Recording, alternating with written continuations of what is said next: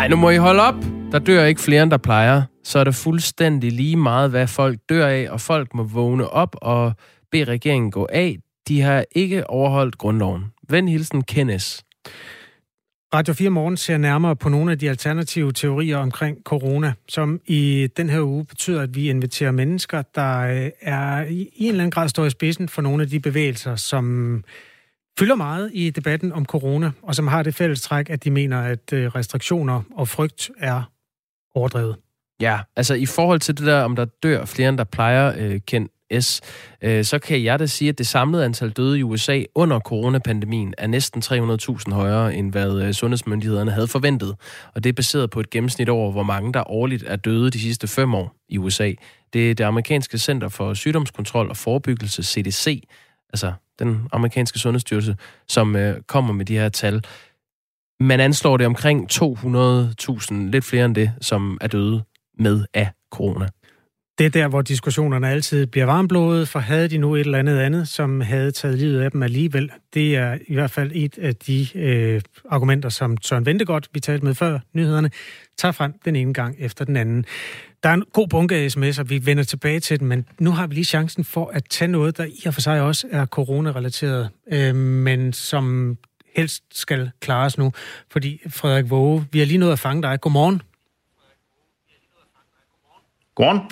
Ja, det her det er i virkeligheden historien om mink, vi skal ombord i nu, som også er corona-relateret. For det første er nødvendigt at aflive alle mink i Danmark. Det gælder desværre også afstyrene. Det var det virtuelle presmøde onsdag i sidste uge, hvor statsminister Mette Frederiksen på en elendig forbindelse, men ikke desto mindre ret klart fik gjort opmærksom på, at alle danske mink skal dø. En beslutning, der blev truffet efter, at der blev fundet en muteret udgave af corona, kloster 5. Nu er det så bare kommet frem, at den beslutning muligvis er truffet uden hjemmel i lovgivningen, og det er derfor, vi har dig med, Frederik Våge. Er det rigtigt? Er der ikke lovhjemmel til at indføre det her øh, massedrab på mink? Altså nej, det er der åbenbart ikke, for det, det fastslår Fødevareministeriet selv, øh, at, at lovmholder dyr øh, kun giver hjemmel til, at man kan slå, øh, slå mink ned, som er, øh, som er syge.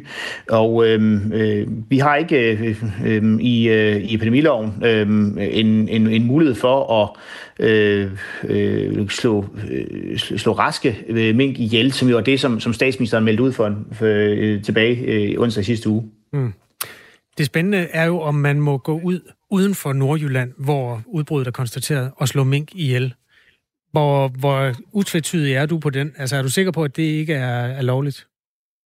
Altså, øh, dyrevelfærdslovgivningen er forholdsvis kompliceret. Øh, jeg har selv siddet i et udvalg, som, øh, som øh, forsøgte at, at, at modernisere øh, området, og, øh, og, og der findes jo mange øh, hjem, der man kan henvise til, men jeg må jo konstatere her, at Fødevareministeriet selv siger, at de ikke har hjemmel til at gøre det, og det tror jeg godt, man kan, man kan lægge til grund i det her tilfælde. Øh, så, så problemet er selvfølgelig det, at at øh, det, det skulle gå rigtig hurtigt det her, og, øh, og man har fundet det nødvendigt at, og, øh, at aflive øh, alle mink, øh, og, så er, øh, og så er lovgrundlaget simpelthen øh, bare ikke fuldt med. Og det er selvfølgelig ikke, ikke, ikke hensigtsmæssigt. Det gode ville jo have været, at statsministeren havde meldt ud og sagt, at, jeg, at hun vil øh, nu øh, sørge for, at der bliver fremsat et, et, et lovforslag fra start af, øh, hvor at, øhm, øh, at man øh, tager højde for det her, den, den, den her problematik.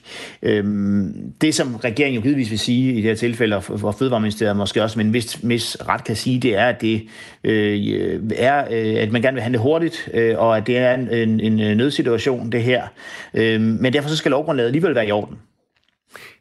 Vil det sige, at regeringen har gjort noget ulovligt nu?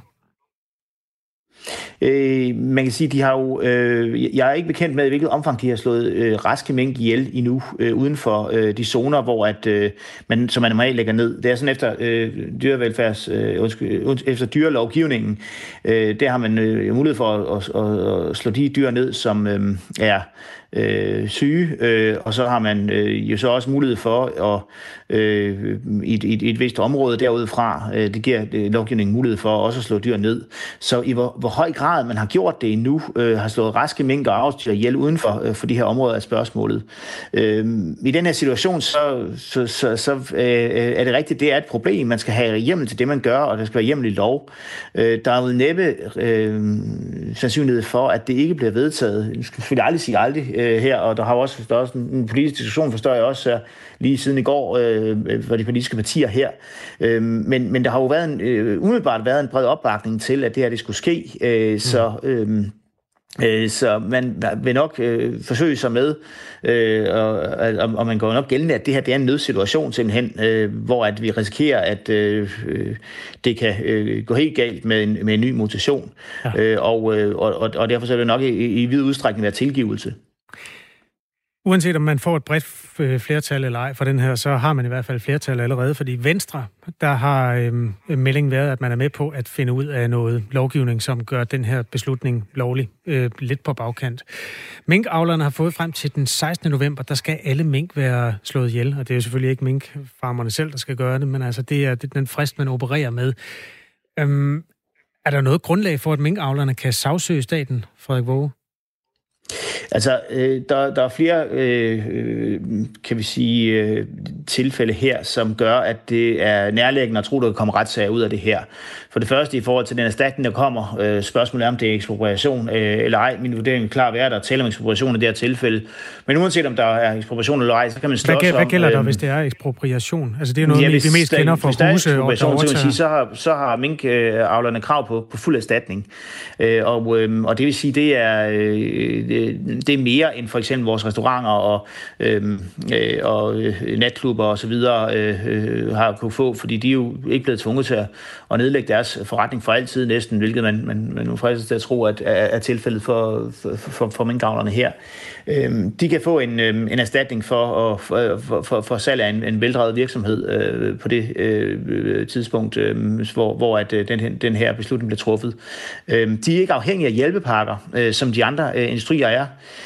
For, for, for hjælpepakkerne, de kommer sådan set kun når man ikke har ret til anden form for, for erstatning. Så de har en direkte hjemmel i, i grundloven til at, at kunne kræve erstatning. Og der er det så spørgsmålet så, hvor meget de vil kræve, og det er noget, der, som, som det er nærliggende at tro, der kan komme retssager ud af.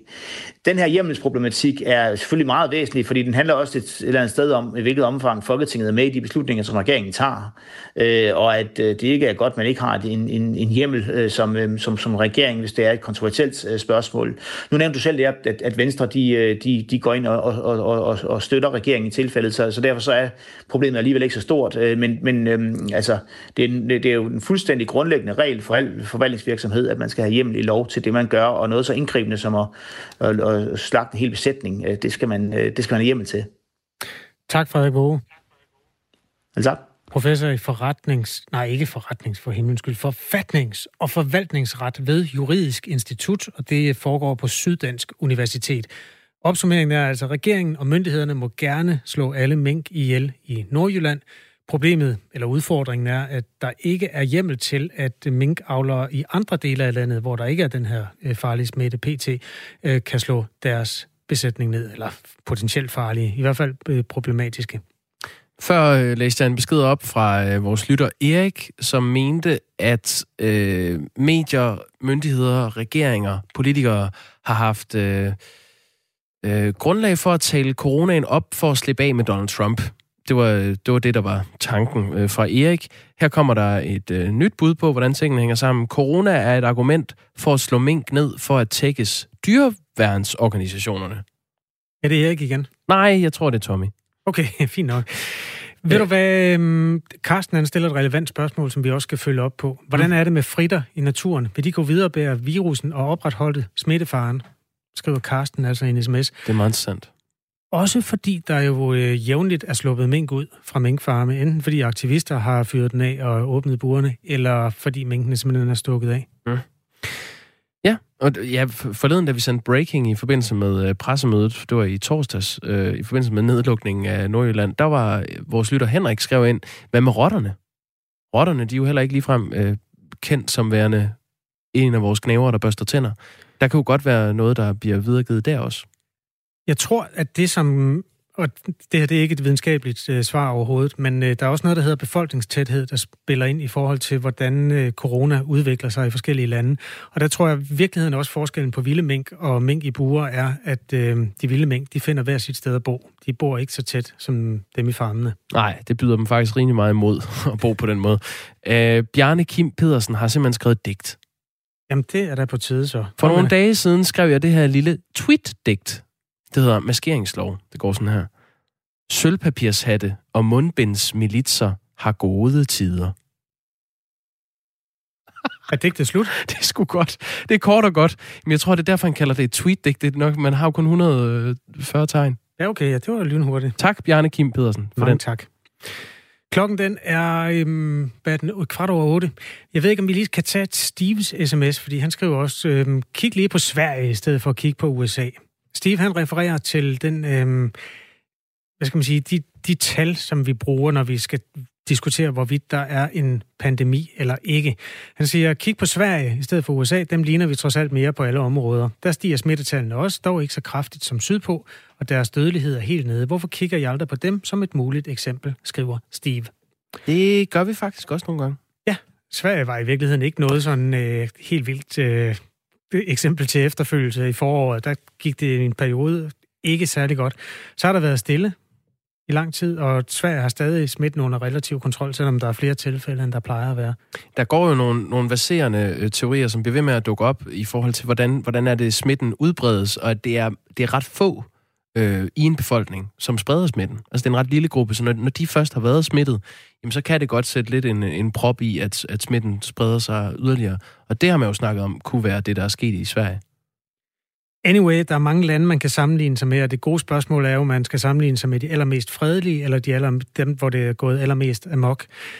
Øhm, jeg har jo kigget på nogle af de her tal, når jeg har forberedt interviews, og man kan ikke lade være med at, falde over, at Belgien, det går sådan ret vildt for sig på de kanter. De har over 7.000 kroner indlagt stadigvæk, og der har jo været råbt max vagt i gevær. Restriktionerne i Belgien, de er temmelig vilde. Altså hvis du går en tur i Bruxelles, for eksempel, dig, Jakob Grosen, du har ingen venner i Bruxelles, vel? Nå. Nej, så kommer du til at gå alene. Du skal have mundbind på alligevel, uanset om du går med en radius af 50 meter omkring dig. Øhm, det er lige snart med guden for en dør, som ja. er i, derhjemme.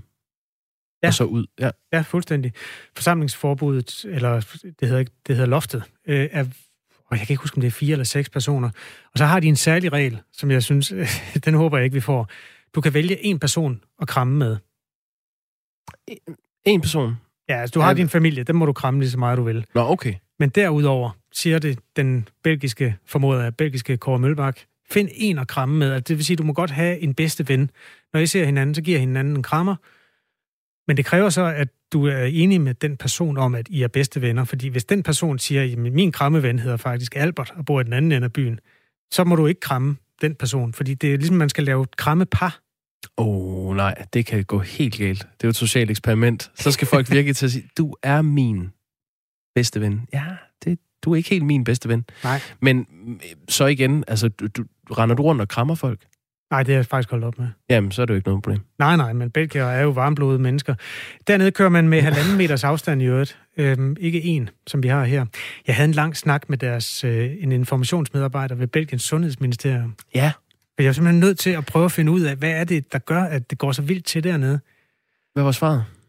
Jamen, jeg tror egentlig, hvis man skal komme med et svar, så er det, at vores antal smittede, da det var meget lavt her i sommer, jeg kan ikke huske, var det 10 eller 20 test om dagen, der var tvinget ud positivt eller sådan noget.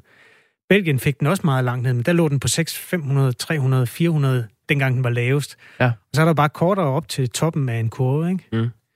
Så det er en af grundene. Og så er der også nogle andre grunde, som jeg prøvede bagefter at kigge på, hvordan bor de egentlig? De bor meget mere tæt i Belgien, end vi gør her. Sådan helt overfladisk betragtet. Ved du noget om smitten, hvor den er centreret i Belgien? Er det omkring Bruxelles og de der større det, det, Nej, det er alle steder. Men folk, de bor tæt alle steder i Belgien. Altså, det er halvt så stort som Danmark, og der bor dobbelt så mange mennesker. Øhm, det er ret jævnt fordelt på de Vallonien og Bruxelles og Flandern, må det være den sidste. Det er meget faktuelt, det her. Det er, meget, det er mange byer, det er mange tal. Lad os give ordet til Michael på sms'en, fordi han, han skærer det ud i pap med et, øh, et sprogligt billede. Mundbind eller ej, hør her, skriver han. Hvis du er nøgen, og en mand tisser på dig, bliver du våd på huden på benene. Hvis du har bukser på, og manden tisser på dig, bliver du ikke særlig våd på huden på benene. Hvis manden har oplynede bukser og tisser på dig, og du har bukser på, så bliver du ikke våd. Derfor. Tag lige og copy-paste den, og så put den ind i et Word-dokument, som vi kan tage frem på onsdag, for der skal vi tale med øh, en øh, debattør og uddannet læge, der hedder Vibeke Mannicke, der ja. også er en øh, markant stemme i den her debat, og hun synes jo, at mundbind, de, det er noget, fanden har skabt. Og i øvrigt, at vi ikke øh, som befolkning betragtede er i stand til at, at bruge dem ordentligt. Det vender vi tilbage til. Mundbindsdebatten, den er kun lige begyndt. Vil du sige noget mere om, hvad vi ellers skal? Du, du har jo også øh, legnet et interview op til i morgen, ikke? I forhold til de her alternative teorier. Jo, øh, det bliver Mads Palsvig, som er øh, formand for det øh, folkeparti, der hedder Jorden, Frihed, Kundskab, altså også er kendt som JFK 21. Øh, Mads Palsvig er også en, øh, en kendt stemme i øh, opposition til mainstream media. Lad os sige det sådan. Der er en øh, lytter, der skriver trist, at de forsøger at afdække alternative teorier, og så er så forudindtaget i jeres egne holdninger. Det må være afgørende for god dækning, at I ikke er forudindtaget. Man kan nogle gange høre hundlige undertoner, når I er uenige. Det er dårlig journalistik. Det er jeg uenig i. Det er journalistik, at vi øh, efterprøver de ting, der bliver sagt øh, med saglige argumenter. Jeg synes sådan set, vi havde en ret god tone med, med Søren Ventegodt. Jeg synes også, han, han svarede på de ting, vi spurgte ham om. Han gik ikke øh, vred derfra. Nej, så det, det er sådan set bare journalistik, du. Ja, det, vi prøver at gøre det samme med nogenlunde alle mennesker, men der er jo en pointe i forhold til, når vi har en af de etablerede corona-eksperter, så går vi ikke i samme grad hver eneste gang, vi taler med Allan Randrup Thomsen ind og siger, hvor ved du det fra på alle hans påstande. Altså han er på en eller anden måde blåstemplet mere end de her mennesker er. Men det er vel også videnskabens væsen, at der findes nogen, der er mere etablerede forskere end andre det er, vi, det er vi simpelthen nødt til at, at stå på skuldrene af, hvad, hvad andre har. Ellers så skal vi godt nok starte ved Adam og Eva hver gang. Ahmed, vi kan give ordet til Ahmed her til sidst. Øh, han brokker sig tit over, at han ikke får ordet, så han får det her. Så han vente godt, at Danmarks største frihedskæmper elsker ham og de andre i kampen. Klokken er 8.22. Velkommen til Radio 4 morgen. Hvis du lige har stået op, så skal du vide, at det er mandag den 9. november. I USA øh, kaldes de øh, POTUS og FLOTUS. Hvis det ikke lige ringer en lille klokke, så er det øh, forkortelsen for President of the United States of America, og altså First Lady of the United States of America. Vi prøver at tegne portræt nu af øh, den nyvalgte præsident i USA, Joe Biden, og hans kone, Jill Biden. Og det skal vi gøre med dig, Birgitte Borup. Øh, godmorgen. Godmorgen. Ja, du, skal lige, du har siddet og hængt på et stykke tid, du skal lige have headset i ørerne, kan jeg høre. Øh, jeg var deklareret lige redaktør for international kultur på øh, Berlingske. Øh, lad os starte med Joe Biden. Hvordan vil du beskrive den mand, som nu skal være Amerikas næste præsident? Altså, sådan helt overordnet, det er jo så et stort spørgsmål. Altså, for det første, så er han jo øh, den mest erfarne præsident, USA nogensinde har haft. Og det er jo både en styrke og en svaghed. Øh, han har været øh, aktiv politiker, valgt til senatet øh, siden øh, 72. Han har været vicepræsident under Obama i otte år. Det var jo på den måde, resten af verden sådan, øh, lærte ham at kende. Øh, og så er han kendt som en mand, der har gennemlevet nogle enorme tragedier, øh, som også har givet ham en øh, særlig position blandt amerikanerne, som et øh, menneske, tror jeg, rigtig mange spejler sig i, øh, både hvad angår øh, fiaskoer, succeser og sorg. Øh, Birgitte Bo, vi ringer dig lige op. Vi har en lidt ulden øh, forbindelse til dig, og det er næsten for ærgerligt. Så vi ringer dig lige til dig på øh, telefonen. Bare lige øh, hænge på. I mellemtiden kan jeg jo så øh, fortælle dig, Kasper, det tror jeg nemlig ikke, du er klar over. Hvad er Joe Bidens fulde navn? Joseph. Ja. Der er jo mere. John. Nej. Robinette. Øj. Ja. Joseph Robinette Biden Jr. hedder manden. 77 år gammel. Det, det er fordi hans far også hed Joseph Robinette Biden Jr., eller senior hedder han så, eller hvad? Hvor mange er der af dem? Det spørger dig om, Birgitte Bob. Du er med igen. Er, er der flere af dem? Joseph Robinette Biden? Han er opkaldt efter sin far. Jeg må tilstå, jeg ved ikke, om der også er sådan tidligere generationer, der har, der har heddet det samme. Øh, det er sådan en meget udbredt tradition i øvrigt i øh, amerikanske familier, at, at der altid er en søn, der bliver opkaldt. Øh, det ser man jo også over i Trump-familien, hvor Donald Trumps ældste søn hed Donald Trump Jr. Mm. Det er, og, og på samme måde har man set det jo i Biden-familien, at der er børnene også opkaldt efter deres fædre og onkler, og det er, det er meget almindeligt. Der er også tonsvis af mennesker, der hedder Bill Gates, hvis man går lidt tilbage af det stamtræ i øvrigt. Det er bare en tradition. Det er det. Øh, du var lidt kort inde på det, Birgitte Bob. Altså, øh, Joseph, øh, Joseph Biden, skulle jeg til at kalde ham nu. Joseph Robinette Biden Jr.'s øh, triste fortid med både biluheld og, og kræftsygdom inde på livet. Er det noget, der har en betydning for hans øh, relation til vælgerne? Altså, deres forhold til ham som præsident? Det har det ubetinget. Han er øh, blev jo øh, første gang ramt af en voldsom sorg tilbage i begyndelsen af 70'erne, da hans øh, første hustru øh, blev ramt af en lastbil, øh, da hun var ude at køre med parets tre børn. Hustruen og den øh, yngste datter døde, og de to øh, sønner overlevede det her, øh, den her trafikulykke, øh, Bo og Hunter Biden. Og så fortsatte Joe Biden sin tilværelse som øh, enlig far med de her to sønner. Og det var jo et, på alle mulige måder et, et voldsomt traume, øh, som han kom igennem. Han mødte Jill Biden øh, midt i 70'erne, og de to har så været gift siden øh, og har fået en datter sammen. Det, at han har gennemlevet det og endda mistet sin voksne søn, Bo, øh, som blev øh, 46 år og som, som døde i 2015, det har helt sikkert øh, givet ham et, øh, en empati, øh, som mange amerikanere værdsætter og anerkender. Han er kendt for at være utrolig god til at møde vælgerne i sådan nogle situationer, hvor han er one-on-one med nogen, altså hvor han er øh, i, i sådan en, en samtale med med et enkelt menneske, der har nogle problemer. Øh, han er meget ivrig for at dele ud af sig selv, både af den soveproces, han har været igennem, og hvordan han hver gang har rejst sig igen, men også i forhold til andre problemer, han har. For eksempel stammer han. Øh, han stammede meget som barn, og har været igennem en meget intens træning øh, for rent faktisk at kunne begå sig politisk, altså for at kunne holde taler til offentligheden, øh, og i, i forhold til det at kunne fungere som en offentlig person alle de ting har han været meget åben om og fortalt øh, om og, og, og insisteret på at dele, så andre har kunne bruge det til noget. Birgitte Bo, øh, så vidt Joe Biden. Lad os øh, lige komme på Jill Biden også. Hvad, hvad, er, det, hvad er hun for den øh, stort? store? Hun er lærer, og det øh, siger jeg ikke bare for at være sådan kedelig, der kun går op i, hvad folk laver, men det gennemsyrer virkelig hendes identitet. Hun øh, blev ved med at undervise, det er hun åbenbart super glad for, selv da hun var vicepræsident frue øh, i de otte år, parret var i det hvide hus. Hun er den eneste second lady, som det hedder, øh, der har arbejdet øh, samtidig med, at hun har øh, været øh, vicepræsident frue. Øh, og det agter hun også, har hun sagt, at fortsætte med, selvom hun jo nu er 69 år, og selvom hun nu bliver præsidentfrue. Øh, hun er, hvis jeg nu skal være helt ærlig, for nu har jeg beskæftiget mig meget med første damerne, øh, og, øh, og vi kommer jo fra en periode med nogle ret øh, synes jeg, spektakulære kvinder på den post. Vi har haft Michelle Obama, der gjorde sig selv til sådan et feministikon og opnåede global berømmelse. Vi har haft Melania Trump, som har været så sky og tilbagetrukket, at der opstod sådan en særlig mystik omkring hende. Og før det, havde vi jo Laura Bush øh, og øh, for den sags skyld også Hillary Clinton. Nu kommer så Jill Biden. Hun er lidt kedelig. Hun har øh, masser af orden i penalhuset og ligner bestemt sådan et, et, en sympatisk kvinde. Men jeg tror ikke, vi kommer til at se noget fra hende, der, der kommer til at øh, skille sig voldsomt ud. Hun ligner ikke en kvinde, der har planer om at gøre så meget andet med rollen, end det mange andre har gjort, nemlig at påtage sig en mærkesag, som handler om noget med børn og undervisning osv., ved at gå ud fra, øh, og så i øvrigt repræsentere landet på, på bedste vis. Vi kommer ikke til at se nogle vilde ting, ligesom vi så med Hillary Clinton, der insisterede på at sidde og lave politik over i West Wing.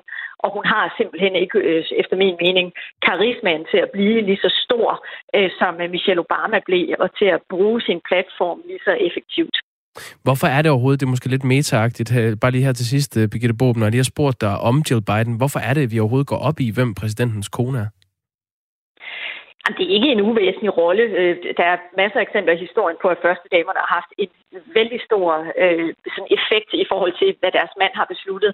Blandt andet var det i sin tid efter sine Laura Bush, der overtalte øh, George W. Bush til at fyre Donald Rumsfeld som øh, forsvarsminister, fordi Laura Bush så, at hun påvirkede hans præsidentskab negativt. Han, hun trak øh, øh ved at trække George Bush ind i sådan en høje-rolle, som han dybest set ikke ønskede sig. De, de første damerne er kendt som det, der hedder pillow talkers. Altså de har nogle fortrolige samtaler med deres mænd, som tit får stor politisk øh, indflydelse. Mm. Og så er de jo også, så synes jeg også, det siger noget om en præsident, hvem han er gift med. Det har vi jo også set. Altså dengang Bill Clinton blev valgt, sagde han jo, I får 20 for one. I får en ekstra præsident i min kone. Det var amerikanerne så ikke så glade for. det er ja, det kan vi godt Birgitte Bob, altså redaktør for øh, international kultur på Berlingske, og så tegnede du et portræt af det her nye øh, kommende præsidentpar i USA. Tak for det. Selv tak.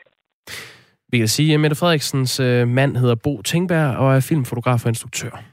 Ja, Janne Jørgensens kone hedder Janne Jørgensen. Det er det bedste, der er sket her til morgen. Klokken er halv ni.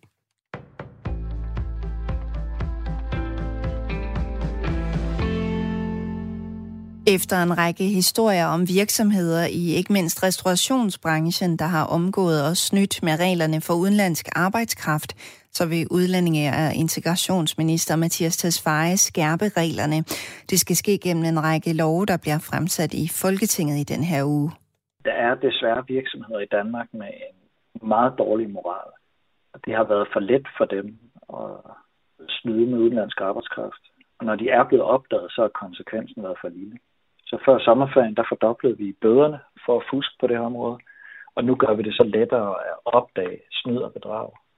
Og indføre en regel om, at hvis man har snydt flere gange, så kan man ikke bare blive ved med at hente ny udenlandsk arbejdskraft til Danmark. Det siger Mathias Tesfaye.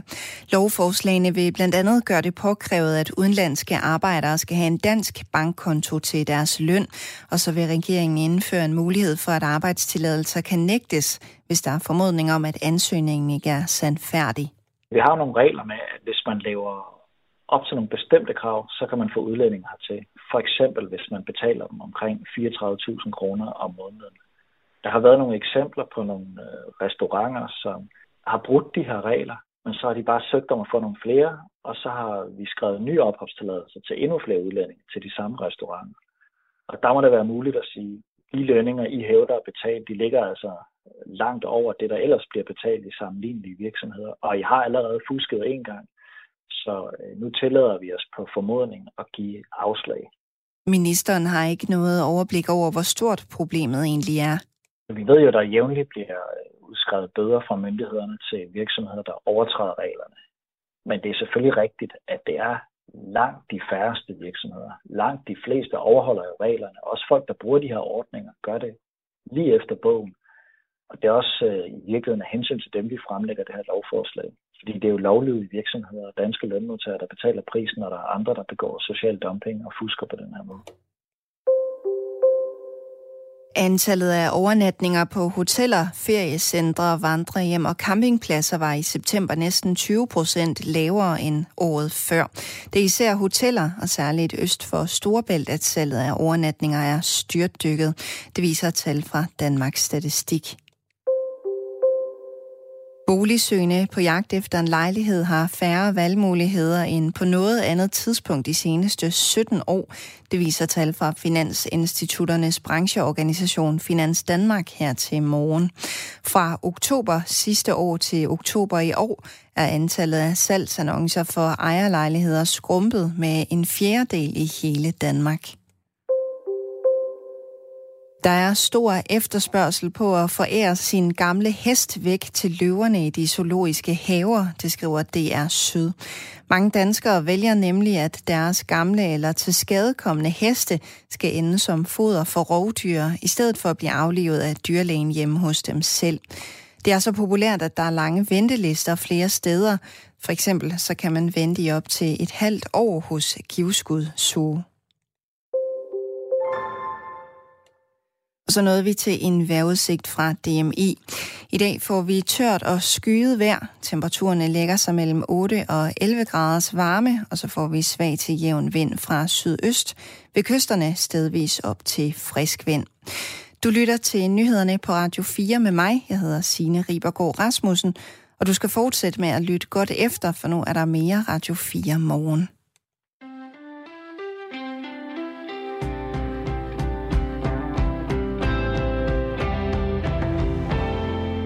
Godmorgen. 8.34 er klokken min sanden blevet. Den her mandag i Danmark, hvor øhm, ja, der har været præsidentvalg, og Erik har fulgt med i vores dækning af den, og han skriver, øh, det er ligesom når der spås tvivl om valget i USA har været udsat for fusk, så kan Biden-lejrene deres medier straks afvise alt snak om det på trods af adskillige øjenvidende beretninger. Hvordan kan de egentlig det?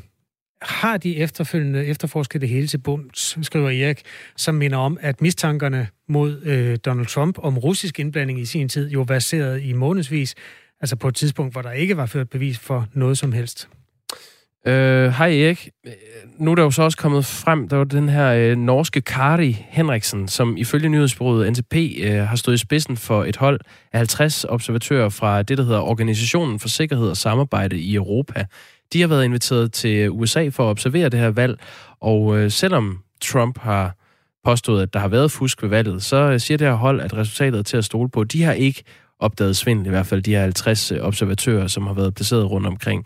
Øh, hun siger, hende her, Kari øh, Henriksen, til øh, nyhedsbruget NTP, Tværtimod oplevede alle observatører, der var i selve valglokalerne, at det var utrolig nøjagtige og meget dedikerede valgmedarbejdere, som gennemgik stemmesedlerne på en vældig ordentlig måde.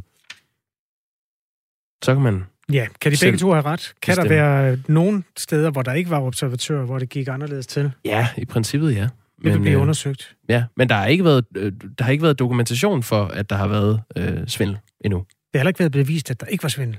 Nej, men jeg kan heller ikke bevise Gud ikke findes. Nej, det er svært. Klokken er 8.35. Ja, du siger det selv. Uh, skal, vi, skal vi tage noget sport? Det kan vi godt. Og så skal jeg lige finde mit manuskript frem. Det er de irriterende sportsnyheder. Sagen er jo den, at uh, sport deler vandene lidt. Der er mange, der er ikke interesseret i det. Så jeg fokuserer kun på dem, der er virkelig sådan irriterende. Der har en substans af noget træls. Og øhm, der har alle tre her, for eksempel. Oh, ja, landsholdet. Fodboldlandsholdet. Ja, allerede der. Ja. Øh, England har jo reageret Vildt skarpt. irriterende også, at, fordi jeg ved, du taler om herrene, men du siger ikke, det er herrene. Det er også irriterende. Ja, det at alle går ud fra, at det er herrene, når du siger landsholdet. Det må du undskylde. Fandme træls. Ja, det er det faktisk. Nå, men herrefodboldlandsholdet øh, er, bliver jo ramt af, at England reagerer noget skarpt på Mink Gate. Og det betyder, at øh, spillere, der har en engelsk arbejdsgiver, det er sig som Kasper Schmeichel, Pierre Emil Højbjerg og mange andre, de, jamen, de får ikke lov at rejse hjem til landskamp, fordi der er uendelig lang karantæne for at komme ind igen. Og hvis man er en britisk fodboldklub, der giver øh, en million om ugen, det er vel mindste løn i England, er det ikke? Ja, det er meget normalt, tror jeg. Øh, så synes man ikke, det er fedt at skulle give folk løn i tre uger, hvor de ikke laver en skid. Det kan man godt forstå, men det er da irriterende. Hvem, hvem kommer ind i stedet for? Er det ikke sådan nogle FC Midtjylland-spillere og FCK? Og... Altså, jeg håbede jo, at vi skulle tilbage til Christian Bummelund Christensen og Troels Silius Jensen og Christian Offenberg og de der... Ja, siger mig intet. Futsal-landsholdet nå, og anden nå, division ja. reservelandsholdet. Gud, det var, ja, det var sjovt, ja. da de lige fik en kamp. Det var en ret, ret god målmand, vi havde der. Ja, men øhm, nej, øh, Julemand han har inviteret alle mulige sådan fra Hylde B. Det bliver ikke lige så farvet. det er irriterende. Det er en uh, træningskamp mod Sverige på onsdag, og så derefter noget Euroleague mod Island og Belgien. Det får vi se. Mm.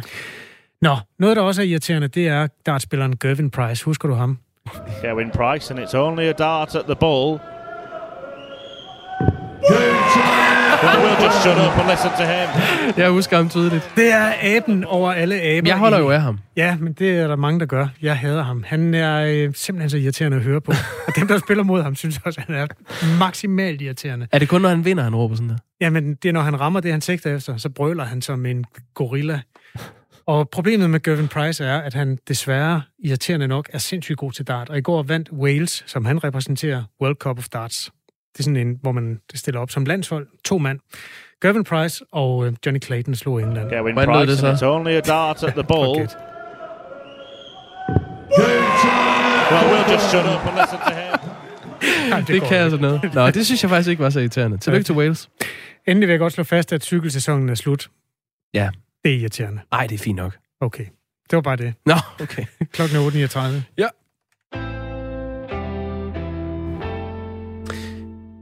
Ramadan i København. Det er en øh, ny sang i den reviderede udgave af Højskolesangbogen, som udkommer på øh, torsdag. Det er den 19. udgave af slagsen siden øh, Højskolesangbogen første gang udkom i øh, 1894. Og øh, hvis du ikke har lyttet med tidligere her til morgen, så lyder sangen altså sådan her. Min skæve smil, lyset på fjerde sag, tegner liv på gardin. Vækket af nattergag, Lys på lys, brænder mit i mørkets farve, hånd ved hånd, ramadag i København. Sidste gang den her sang blev debatteret, det var for et år siden, hvor det endnu ikke var besluttet, om den skulle med i højskolesangbogen, men det fremgik, at øh, udvalget, som skulle vælge de nye sange, var i tvivl, om den skulle være med. Og den var faktisk heller ikke helt færdig på det tidspunkt. Men fik en øh, del kritik, mest for at være en ramadansang, altså en muslims sang, men også for dens øh, sådan musikalske og, og lyriske kvalitet. Og en af dem, der kritiserede øh, den her øh, sang Ramadan i København for et år siden, det var øh, dig, Holger Lisner. Godmorgen. Godmorgen. Og tak, fordi du har hængt på på telefonen. Øh, så håber, at din irritation er holdt op. ja, jamen, du, nu er det ikke irriterende længere. Nej, det er ikke længere. du er øh, øh, salmedigter, og ja. øh, vi har talt med samtlige seks medlemmer af det her højskole sangbogsudvalg. Det er et langt ord. Og spurgt flere, om de har hørt gode argumenter imod deres beslutning om at tage ramadan i København med. Og der nævner de altså din kritik i, i Kristi Dagblad for et år siden. Du skrev, at øh, du ikke har noget imod, at den har et muslimsk indhold, den her sang, men at det, der var dårligt håndværk i sangen og roderi i versemålene. Er det blevet ja. bedre, synes du, her ved den, den udvalgte version? Ja, der, de har rettet på det. det så så der, på den måde har de hørt min kritik der. Og, og jeg synes, øh, der, den, sangen har nogle kvaliteter, men der er stadig nogle ting i den, som jeg ikke synes er godt nok endnu. Men altså, den har nogle skønne billeder. Den er meget visuel. Nymånens skæve smil. Lyset på fjerde sal tegner liv på gardin. Det er da nogle gode billeder. Man kan se det for sig ind i sådan en by, ikke også? Men så kommer der lige pludselig, i, i første udgave, der skulle øh, lyset på fjerde sal, det skulle rime på noget metal. Og øh, det, det var lidt for langt det ord, så han satte bare en apostroftal. Og det kan man måske gøre i en rap, men, men det duer ikke, når man skal lave en fin sang. Så har de fundet på noget smukt her. Vækket af nattergal.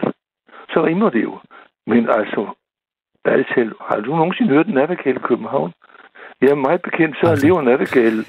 Ikke, ja, det, om skulle finde en ude, der slår mos, men så er der ikke det selv. Altså, det er sådan, det man på godt gammeldags kan kalde rimnød. Man finder et ord, som, som rimer, men det passer ikke særlig godt i sammenhæng. Men det er poetisk, at en vækket af nattergal synger helt til morgenen. Men sådan noget, det synes jeg er noget tjusk. Så kommer omkvædet. Det er fint nok. Øh, lys på lys, brænder midt i, København, i mørkets favn, smukt, hånd ved hånd. Uh, har, du ligesom hørt den, har du ligesom hørt den før, hånd ved hånd? Men det er sådan lidt, man kan lige synge med på. Så kommer vers 2. Solen, den når sin top. Sol, når man skal gentage et ord, den, solen, den når, så, så er det altid, fordi man mangler en stavelse, og solen når sin top. Det, det, skal, det skal rime på by, varmen i byens krop. Og der er sådan en linje i hver, i hver af versen, der, der ikke er god nok. Og så kommer cyklerne i en strøm fint, varmen i byens krop, blikket er fyldt af drømme smukt. Altså, det er godt nok. Men, men, men så kommer hen i vers 3. Der synes jeg igen, der, der rimer de længst på seng. Øh, og det rimer altså ikke helt i, i min ordbog, men så kan man selvfølgelig sige, det er lige meget. Det har man ikke så tungt. Og det er muligt, at det gør han nok ikke. Men så kommer der en smuk linje, stemmerne er et hjem. Fint. Det er fint. Bare de så lige Så kommer der en pussy ting. Vers 1 handler om morgenen. Vers 2 handler om middagen. Fint. Og vers 3 og 4 om aftenen. Og det er fordi ramadanen, der lever de jo op, muslimerne, når det bliver solnedgang. Og det synes jeg er fint nok. Og så undrer det mig bare, at så står der i vers 3, skumringstid, så er i seng. Men i vers 4, der spiser de aftensmad. Øh, skal, de, skal de lige have skraver, før de skal spise aftensmad, eller hvad? Det, det undrer det er meget, mig. Det er sådan lidt det faktuelle i det, du, du øh, ja, jeg, det, ja, det er da ikke godt nok. Altså, man kunne bytte om på vers 3 og 4, så var rækkefølgen rigtig. Øhm, må, og, øh, må jeg lige spørge dig, øh, Holger Lisner, altså nu er du jo salmedigter. Øh, du har ja. skrevet nogle salmer, som øh, Du fylder mig med glæde. Ja. Nu går solen sin vej. Ja. Kain, hvor er din bror? Ja. Det er jo ikke muslimske salmer, du har skrevet. Hvad, nej, selvfølgelig ikke. Nej, hvorfor har du ikke et problem med, at en sang med muslimsk indhold finder vej til måske den danskeste af danske bøger? Fordi øh, at øh, højskolesangbogen afspejler rigtig mange forskellige miljøer. Der er husmandssange, der er arbejdersange, der er landmandssange, der er Åkers idylliske for, som for, øh, kystsange, som for længst øh, ikke passer til landbruget mere, men det afspejler Danmark. Og vi har så mange muslimer i Danmark. Så hvis øh, der kunne være en sang til dem, så er højskolesamfundet heldigvis så rummelig. Så det kan den godt. Altså en ting, jeg skriver salmer, fordi jeg skriver for kirken, men højskolesangbogen er jo højskolesangbogen så er der ganske, skal spekulere på, hvor mange muslimer, der kommer på højskole. Det, tror jeg nok ikke ret mange. fordi øh, det må de ikke. Der, der bliver bestrukket for meget alkohol. Holger Lisner, kender du øh, Rasmus Nør? Rasmus Berg? Nej, ja, ja, det kan vi tale om en anden dag, men Rasmus Nør, en uh, musiker, han har lavet uh, Sommer i Europa og sådan noget. Nå, der, der er en, der, skriver, der hedder Lisi, der skriver ind på vores sms. Hej, ligger starten af melodien ikke meget tæt på fantastiske Rasmus Nør? Det, det har du så svært ved at svare på, når du ikke... Det kan jeg svare på. Nej, kan du svare på det, Kasper?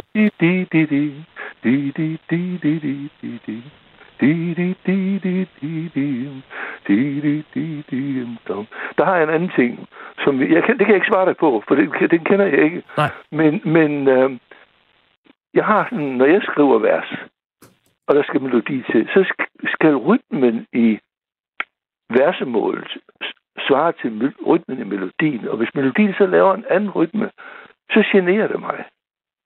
Øh, og, og, og den her, den, den er skrevet i fire fjerdedel. Di, di, di, di, di, di, di.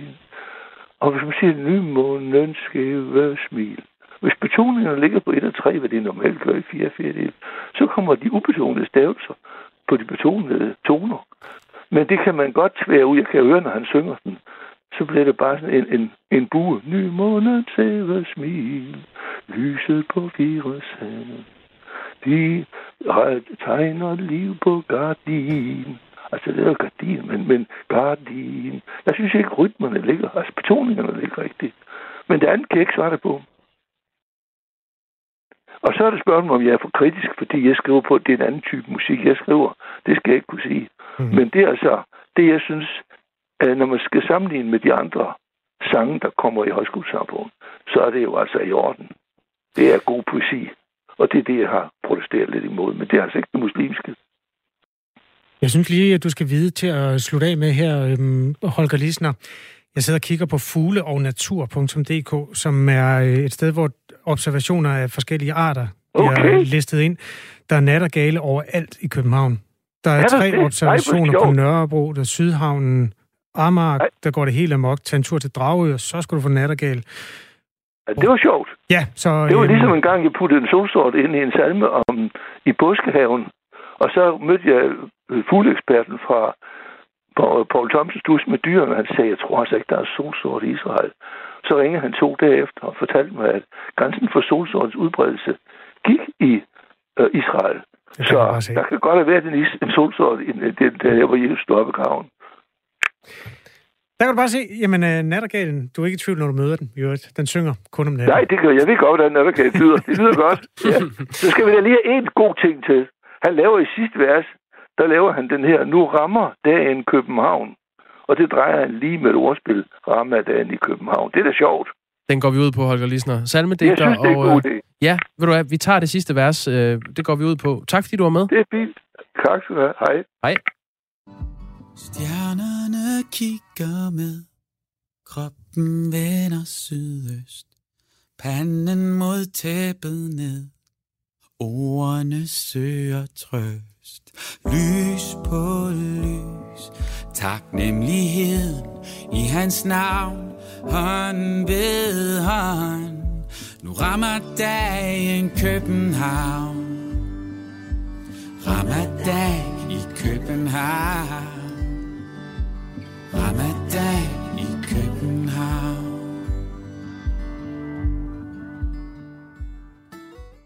Sådan lyder den altså. Ramadan i København, som er, øh, ja, man kan lige så godt øh, lære den, fordi den er med i Højskolesangbogen, som øh, udkommer i sin 19. udgave på øh, torsdag. Og den er altså udkommet siden øh, 1894. Det er en historisk bog. Ja. Klokken er 11 minutter i 9, og nu skal vi tale om pelsdyr. For det første, nødvendigt at aflive alle mænd i Danmark. Det gælder desværre også afstyrene. Ja, det her det var Mette Frederiksen, jo øh, statsminister i Danmark, på et øh, virtuelt pressemøde, der fandt sted onsdag i sidste uge. Vi er simpelthen nødt til at få købt noget fibernet til statsministeren. Men det, det, jeg ved godt, det er en anden historie, men det er uhørt dårligt, det der. Ja, øh, heldigvis er hun jo øh, ude af isolationen igen og kan holde sin pressemøder øh, af traditionel vis. Og dem kan der godt blive nogle flere af, fordi det er kommet frem, at regeringen slet ikke har hjemmel i lovgivningen til den her øh, kommando om, at alle danske mink skal aflives. Kernen i problemet er, at det er tilladt at aflive alle mink, der befinder sig i minkfarme med smitte. Og det er desuden lovligt at aflive inden for en radius af 7,8 km fra en smittet minkbesætning. Derfor er der lovhjemmel til at aflive alle mink i Nordjylland. Simpelthen. Og på andre smittede farme. Men der er altså også masser af steder, hvor øh, minkene ikke lovligt kan blive aflivet af myndighederne, fordi der indtil videre ikke er smitte så tæt på, som der er i de beskrevne øh, farme i det nordjyske. Og det betyder, at der bliver et politisk hundeslagsmål om det her. Søren Ege Rasmussen er fødevareordfører hos Enhedslisten. Godmorgen. Godmorgen. Lad os lige først kigge tilbage. Regeringen var ude med en meget vidtrækkende udmelding, som der ikke var lovhjemmel for, eller jo, lovhjemmel til. Hvad mener I om det? Jamen det skal det selvfølgelig være, fordi det skal jo være sådan, at de landmænd, der får, får slagtet, øh, nedslagtet deres dyr, at, at de ved, hvad der er, er, er rigtigt og forkert. Derfor bliver der et lovforslag, der bliver fremsat i morgen, hvor man så øh, præciserer, at man også at man kan sådan set aflive øh, samtlige mink i Danmark. Og det skal vi have nogle møder om her i eftermiddag. Hvad mener du om, at man kom med den vidtrækkende udmelding, uden at det var sikret på forhånd? Jamen, det er jo ikke smart. Altså, så skulle man jo have sagt, at, øh, at man hurtigt ville få, øh, få styr på det, sådan at, at øh, lovgivningen var til at gøre det. Så det virker lidt hovsagtigt. Vi talte med Frederik Våge, tidligere professor i forvaltnings- og forfatningsret ved Juridisk Institut på Syddansk Universitet. Han sagde sådan her. Det er, det er jo en fuldstændig grundlæggende regel for al forvaltningsvirksomhed, at man skal have hjemmel i lov til det, man gør, og noget så indgribende som at, at, at slagte en hel besætning, det skal, man, det skal man have hjemmel til. Hvorfor er det i orden at lave lovgivning uden lovhjemmel? Nå, men det er jo ikke det, man, det er jo ikke det, man gør. Altså, fordi nu bliver der jo øh, behandlet en lov i morgen. Mm. Og det er jo for at få, øh, hvad skal man sige, grundlaget i orden. Det, kunne man, øh, det burde man have meldt ud lidt tidligere, og vi sætter frem til at, at læse, hvad der står i den lov. Og, øh, og så er det springende punkt jo, øh, hvad det er for en erstatning, som, som minkavlere skal have. Så vi står med et minkerhverv, som har haft, øh, haft negative resultater de sidste fire år. Det har givet underskud i fire år. Og hvad er det så for en, en erstatning, man skal give til nogen, som har en produktion, der giver underskud? Ja, den kommer jo, den der. Øhm, men der er jo også den mulighed, at nogle minkavlere simpelthen har aflivet mink i den øh, forvisning, at øh, det var en kommando, en lovlig givet kommando fra statsministeren. Hvordan synes du, det her stiller dem, de mennesker, som øh, har et erhverv, der er blevet nedlagt for, for åben mikrofon, uden at der var lovhjemmel til det? Hvad kan man gøre for dem? Jamen, det ved jeg ikke. Fordi det, man har gået i gang med, det er jo hovedsageligt i, i Nordjylland hvor man sådan set har øh, hjemmel til at aflive samtlige mink i, mink i Nordjylland. Og man er også gået i gang øh, de steder i, øh, i Jylland, hvor der er syge mink. Så, øh, så jeg håber da, at man kun har, har aflivet i det omfang, at der sådan set var lov hjemmel til det. Ser du nogle muligheder for, at man kan hjælpe på andre måder? Altså lade nogle af mængdene leve, og så lade dem eksportere de avlstyr, eller isolere de avlstyr. Gøre et eller andet med dem, sådan at det, det kan leve videre. Eller er det her de facto en nedlæggelse af erhvervet minkavl i Danmark?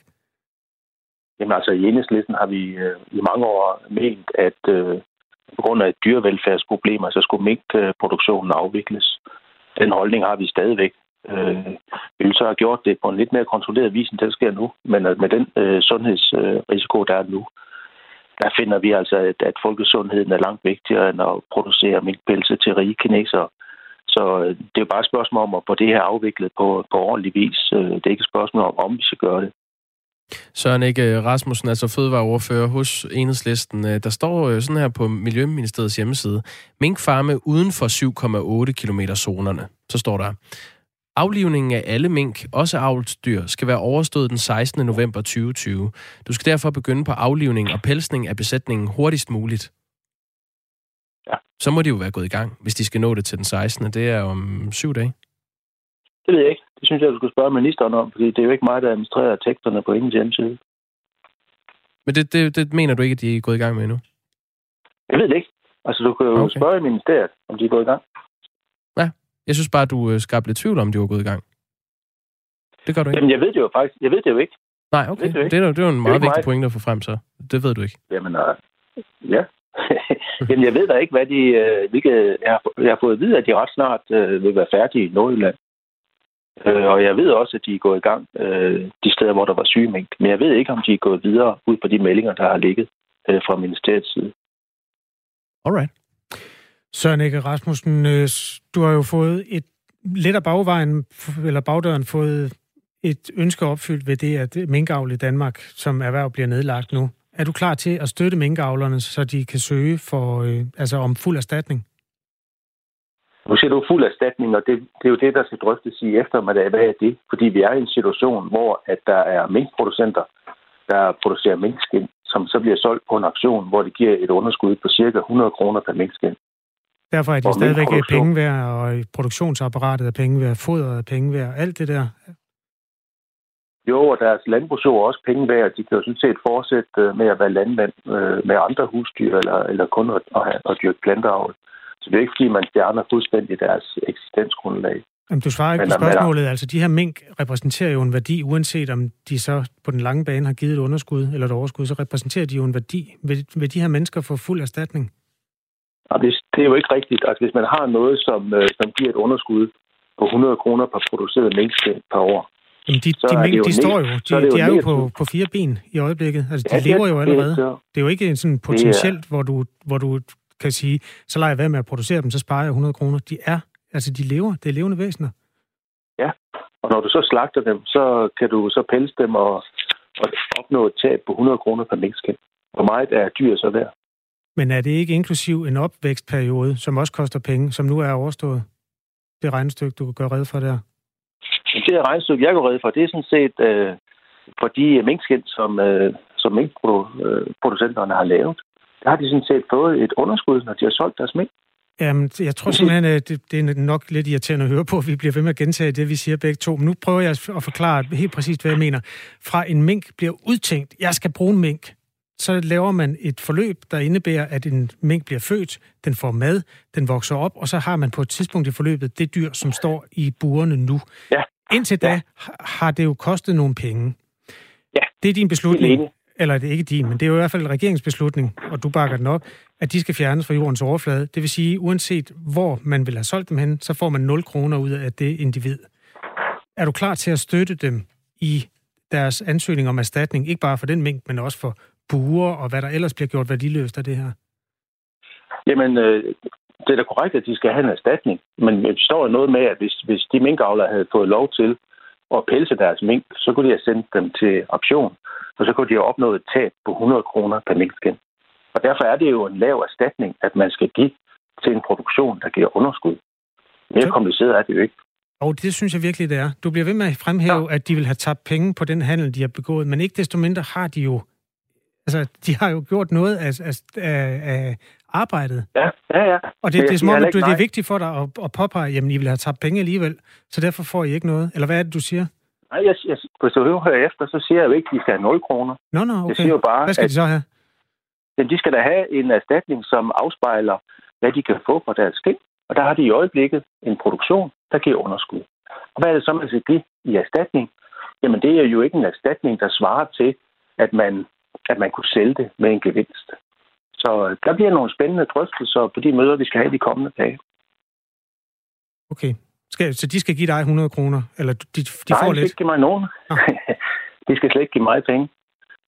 Man må bare tage udgangspunkt i, at vi har en mængdeproduktion i Danmark, som, øh, som giver underskud de sidste fire år. Så den erstatning, at man skal have til sådan en produktion, den er selvfølgelig lavere, end hvis det kan overskud. Tak, Søren Nække Rasmussen, fordi du var med hos os. Ja, selv tak. Han er fødevareordfører hos Enhedslisten. Vi har forsøgt ministeren Mogens Jensen. Han ville ikke stille op. Vi ville også gerne have, have spurgt øh, Venstre, som jo har kaldt øh, fødevareministeren i samråd.